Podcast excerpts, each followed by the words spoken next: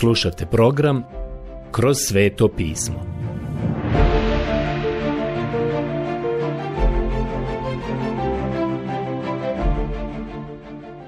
Knjiga Poslanica Filipljanima.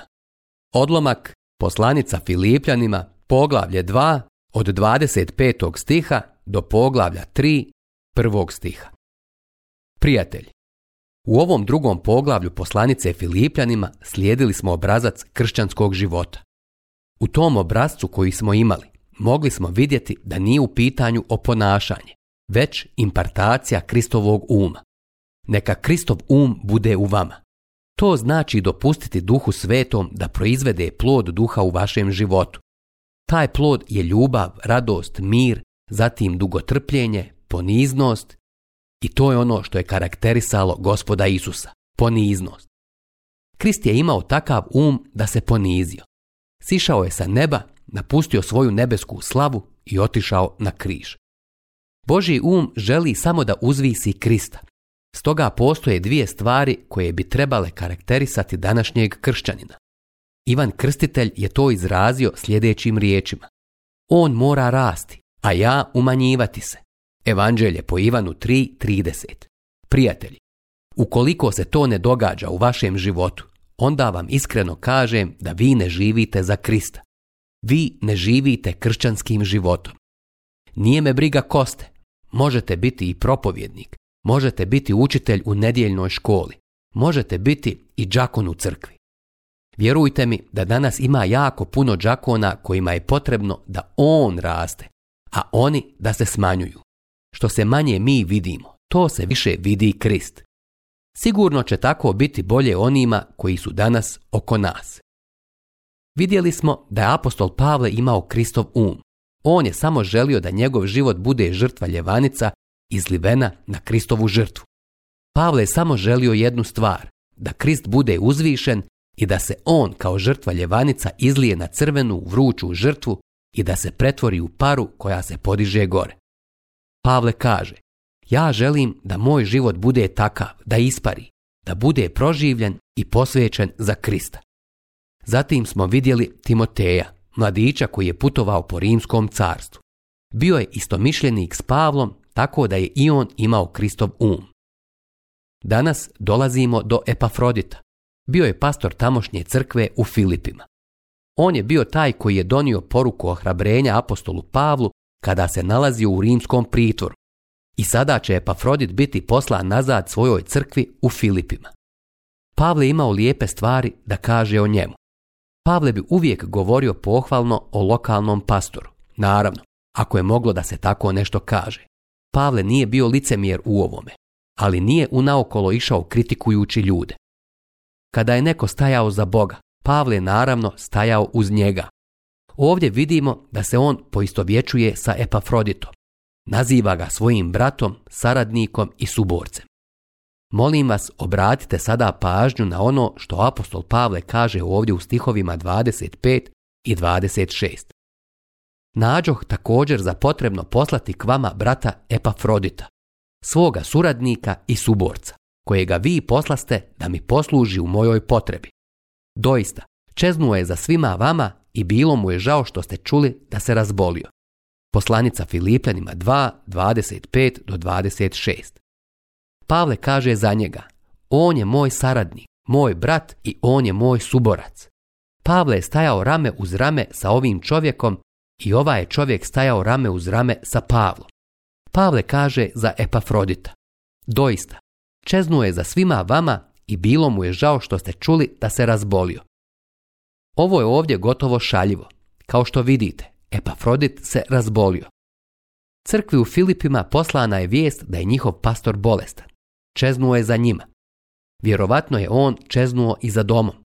Kada je čuo da je crkva saznala da je on bio bolestan, zaboljelo ga je to što je njih boljelo jer je on bio bolestan.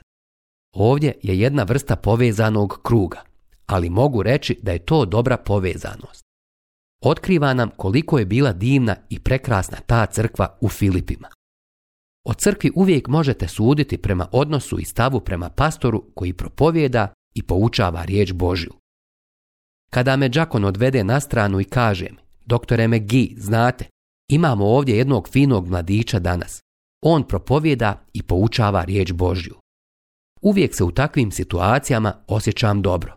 Ali kada me neki Đakon odvede na stranu i kaže mi, Doktore McGee, recite mi kako da se riješim ovog momka. Previše je tvrdoglav, previše je dogmatičan. On želi upravljati i voditi. Upitam ih tada da li on propovjeda i poučava riječ. O da, on to radi, ali mi smo to imali i ranije.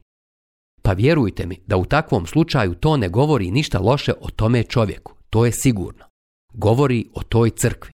Možete suditi uopšteno o nekoj crkvi po njenom stavu i odnosu prema čovjeku koji propovjeda i poučava riječ Božju.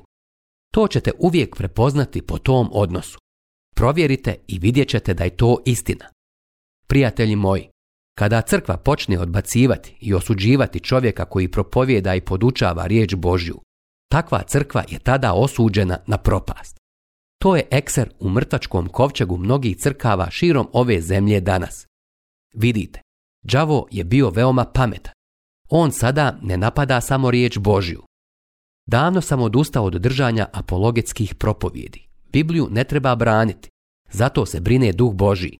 Pavle je zapravo napisao. Ne možete učiniti ništa što poriče istinu. Pustite neprijatelja da nastavi raditi svoj posao i dozvolite nama da nastavimo raditi svoj posao i propovijedati riječ Božju. Ne trebamo braniti Bibliju. Dakle, đavo danas ne napada Bibliju on napada čovjeka koji propovjeda i poučava riječ Božju. Možete vidjeti da je to istina gdje god danas da krenete. Ja mislim da prilično dobro poznajem puls konzervativnih crkava širom ove zemlje. Bio sam u mnogima od njih i mislim da je ovo pravi test.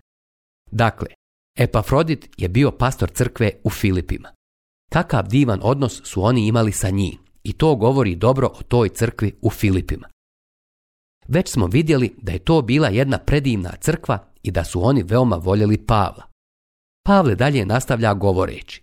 Jer zaista, bio je blizu smrti, ali Bog mu se je smilovao, ne samo njemu, nego i meni, da mi ne dođe žalost na žalost. Poslanica Filipljanima 2.27 U ovom trenutku želim vam skrenuti pažnju na nešto. Želim vam reći nešto što je možda malo neprijatno, ali želim to reći jer su mnogi od ovih ljudi danas koji vjeruju u iscjelitelje, zapravo moji prijatelji i oni vole riječ Božju koju i ja volim. To su fini ljudi, jedino što se ne slažu uvijek sa mnom u svemu. Molim vas, obratite sada pažnju na sljedeće. Pavle se nalazi u zatvoru u Rimu. Ima nekakav trn u tijelu. Gospod Isus ga nije htio ukloniti, ali mu je dao milost da se nosi sa time. Timotej ima problema sa želucem. Pavle inače bio iscijelitelj vjerom. On je bio apostol i ja vjerujem da su ti darovi prestali s apostolima. Šta je Pavle, iscijelitelj vjerom, učinio sa Timotejem? Da li se molio nad njim? Pomazao ga uljem? Ne, rekao mu je da pije pomalo vina zbog želuca. Dakle, on je sa sobom imao bolesnog mladog propovjednika, a i Epafrodit je bio sa njim i zamalo je umro. Ovdje imate iscijelitelja vjerom i on ih nije iscijelio. Inače, on nije nikoga iscijelio. Sve zasluge je pripisivao Bogu. Sve se to dogodilo na veoma prirodan način. Za njih je to bio predmet molitve. Bog ih je čuo i uslišao molitvu. Znate li zašto? U ovoj kasnoj fazi, čak i prije nego što su apostoli otišli sa scene, naglasak se počinje vraćati na velikog doktora. Vidite, ono o čemu govorimo u ovoj poslanici jeste sljedeće. On mora rasti, ja se moram smanjivati. Kada bi se ispostavilo da sam iscijelitelj vjerom, ja bih bio neko. Bio bih drugačiji, bio bih super. Želite li nešto znati? Nisam. Ja uopšte nisam tako nešto. Gospod Isus je veliki doktor. Kada sam prvi put imao rak, dobio sam nekoliko pisama. Idi kod tog i tog, idi posjeti tog i tog. Nisam išao vidjeti nikoga od mojih prijatelja, osim vrlo dobrog stručnjaka za rak ovdje u Južnoj Kaliforniji, a zatim sam otišao velikom doktoru. Imao sam sastanak sa njim i rekao sam mu da želim živjeti. Predao sam mu svoj slučaj. Znate, njemu pripadaju sve zasluge. Ne postoji iscijelitelj vjerom na ovoj zemlji koji može preuzeti zasluge za ono što je Bog učinio za mene. Stoga kažem vam, čak ni apostol Pavle pred kraj svoje službe nije stavljao nikakav naglasak na to. Usput da pomene, sa sobom je imao bolnicu, gomilu mladih, ali bolesnih propovjednika, a nije koristio darove koje je imao. Zašto? Jer Pavle počinje pomjerati naglasak tamo gdje treba i mora biti, na osobu gospoda Isusa Krista. Pavle kaže, poslaću ga natrag vama, Obratite sada pažnju na 28. stih. Zato ga brže šaljem da se obradujete kada ga opet vidite. Pavle htio da se oni raduju, a ne da se ožaloste. A ja da budem manje žalostan. Poslanica Filipljanima 2.29 Bio sam uznemiren zbog crkve u Filipima, jer je bila u žalosti umjesto da se raduje. Pročitat ćemo sada 29. stih. Primite ga dakle u gospodinu sa svom radošću i poštujte takve. Poslanica Filipljanima 2.29 Vjerujte mi, treba pokazati poštovanje prema onome ko poučava riječ Božju ili onome ko ima službu i dar koji Bog koristi. Tu službu, taj dar i tu osobu treba poštovati. Ali pojedinac ne bi trebao primiti ništa više od toga, jer danas je naglasak na Kristovoj osobi, Stoga se naglasak seli na riječ Božju koja nam otkriva i pokazuje Krista. Naglasak bi stoga danas trebao biti na knjizi, na riječi Božjoj. Danas imamo svakakve sastanke i ja jednostavno više ne idem na njih. Zamoljen sam da govorim na jednoj konvenciji. Za to vrijeme su imali razne vrste malih sastanaka na kojima su namjeravali raspravljati o ovom problemu, o onom problemu i o kakvim problemima. Mislim da je psihologija jedne od stvari o kojoj se raspravljalo jednog od tih dana. Upravo sada dolazi do pokretanja duha Božjeg.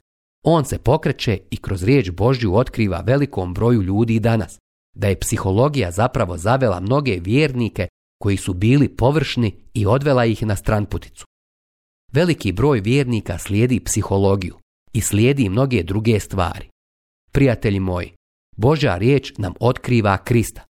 Neko će sada da kaže, Megi, ti si sigurno uzbuđen zbog ovoga. Nekoga treba potaknuti da radi ovo i ja sam savršeno voljan biti taj koji će danas biti potaknut na to. Dakle, naglasak mora biti na riječi Božjoj. Ako stvarno vjerujemo u to, onda sebe trebamo ostaviti po strani. Ja mnogo puta kažem, o Bože, vjerujem da je tvoja riječ pomogla mojoj nevjeri. Pomozi mi da prebivam u njoj. Danas se čudim nekim pismima koja dobivamo. Apsolutno, čudim se tim pismima. Jednostavno ne vjerujem da Bog može koristiti ovu emisiju na takav način. Znate li zašto? Zato što imam nevjeru i ne vjerujem Bogu onako kako bih mu trebao vjerovati. Usuđujem se da kažem da je to problem većine nas. Umjesto što trčimo u naokolo na sve te male konvencije, i sve te male sastanke na kojima pokušavamo riješiti probleme psihologijom, na kojima razgovaramo o problemu droge, o problemu hipija, o problemu seksa, o problemu superzvijezda, o problemu mladih i problemu starijih građana. Prijatelji, problem je u tome što se jednostavno ne vraćamo na riječ Božju. Dozvolite mi da završim drugo poglavlje tako što ćemo pročitati 30. stih jer zbog Kristova dijela došao je blizu smrti. Izložio je opasnosti vlastiti život da me poslužuje u onome što vi niste mogli činiti. Poslanica Filipljanima 2.30 Spominje se Kristovo dijelo, što znači da je i ovaj čovjek imao Kristov um. Ne znam kakav efekat ovo ima na vas, ali ja se od ovoga naježim. Prođu mi tijelom trnci kada čitam ovdje šta se dešavalo u Rimskom carstvu u prvom vijeku. Da li ste ikada čitali o tom Rimskom carstvu u prvom vijeku, o tom carstvu Cezara Augusta, carstvu koje se proširilo i zavladalo tadašnjim svijetom? Da li ste čitali o tome da je rimsko pravo zavladalo posuda i da nikome nije pokazana milost, ali je posuda vladao zakon i red?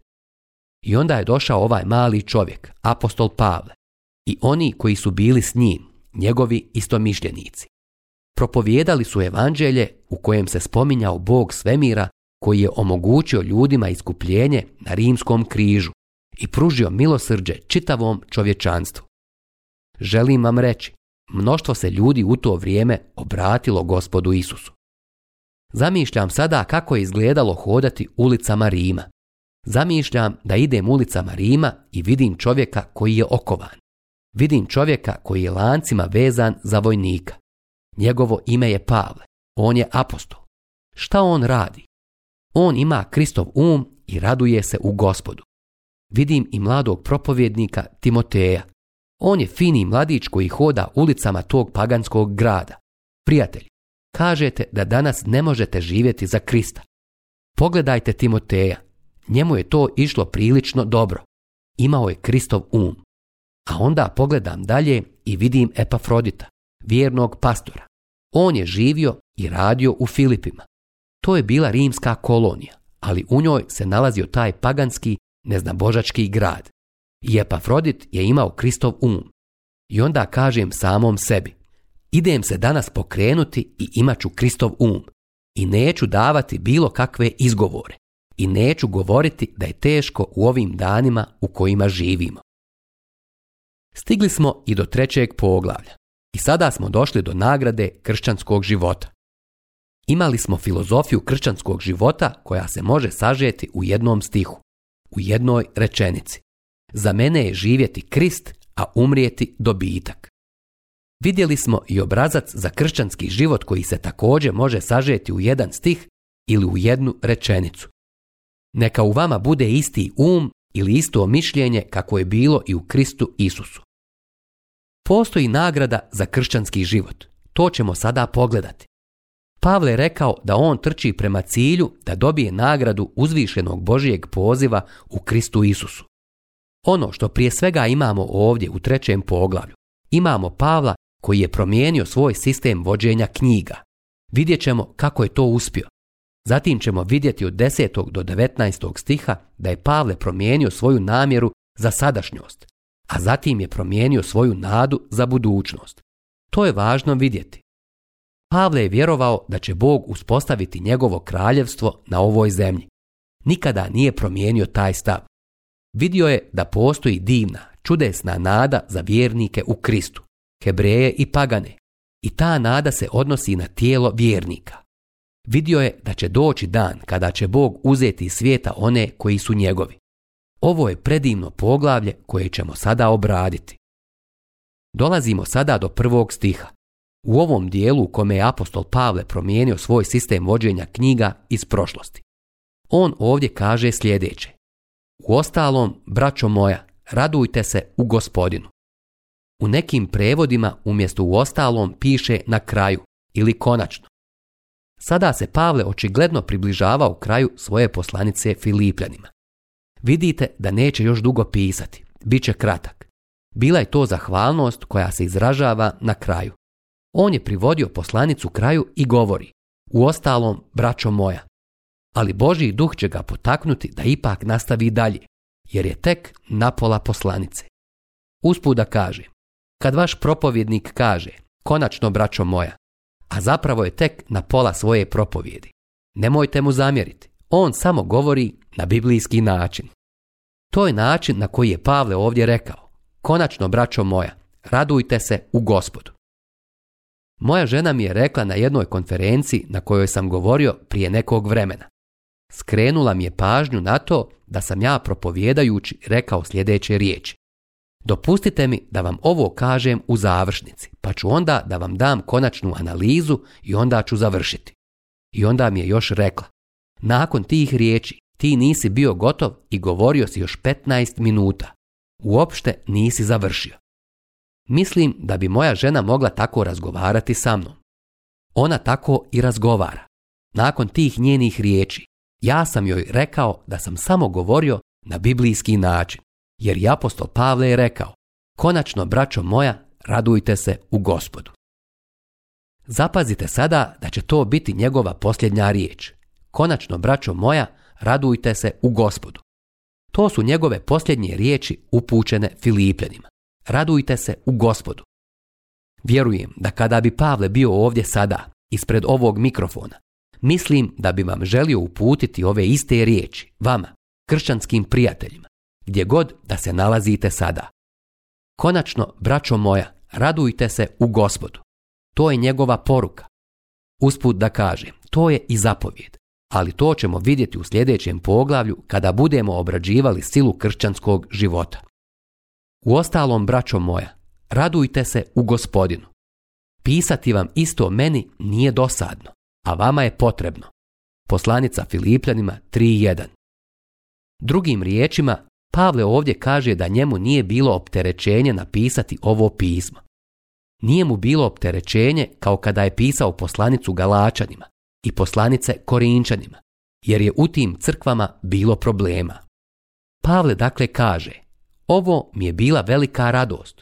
Bilo je zadovoljstvo da vam napišem te stvari. On je razmišljao o nečem drugom, ali mi danas jednostavno nemamo vremena da vidimo šta je to. Međutim, sljedeći put ćemo vidjeti te druge stvari za koje Duh Božiji kaže da su važne. Dakle, dragi moji, do sljedećeg puta neka vas Bog obilno blagoslovi.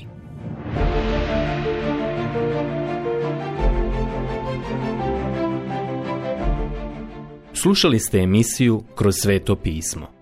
Možete nas slušati i na našem YouTube kanalu putem mobilne aplikacije – te na svim glavnim podcast platformama kao što su Google, Apple i Spotify.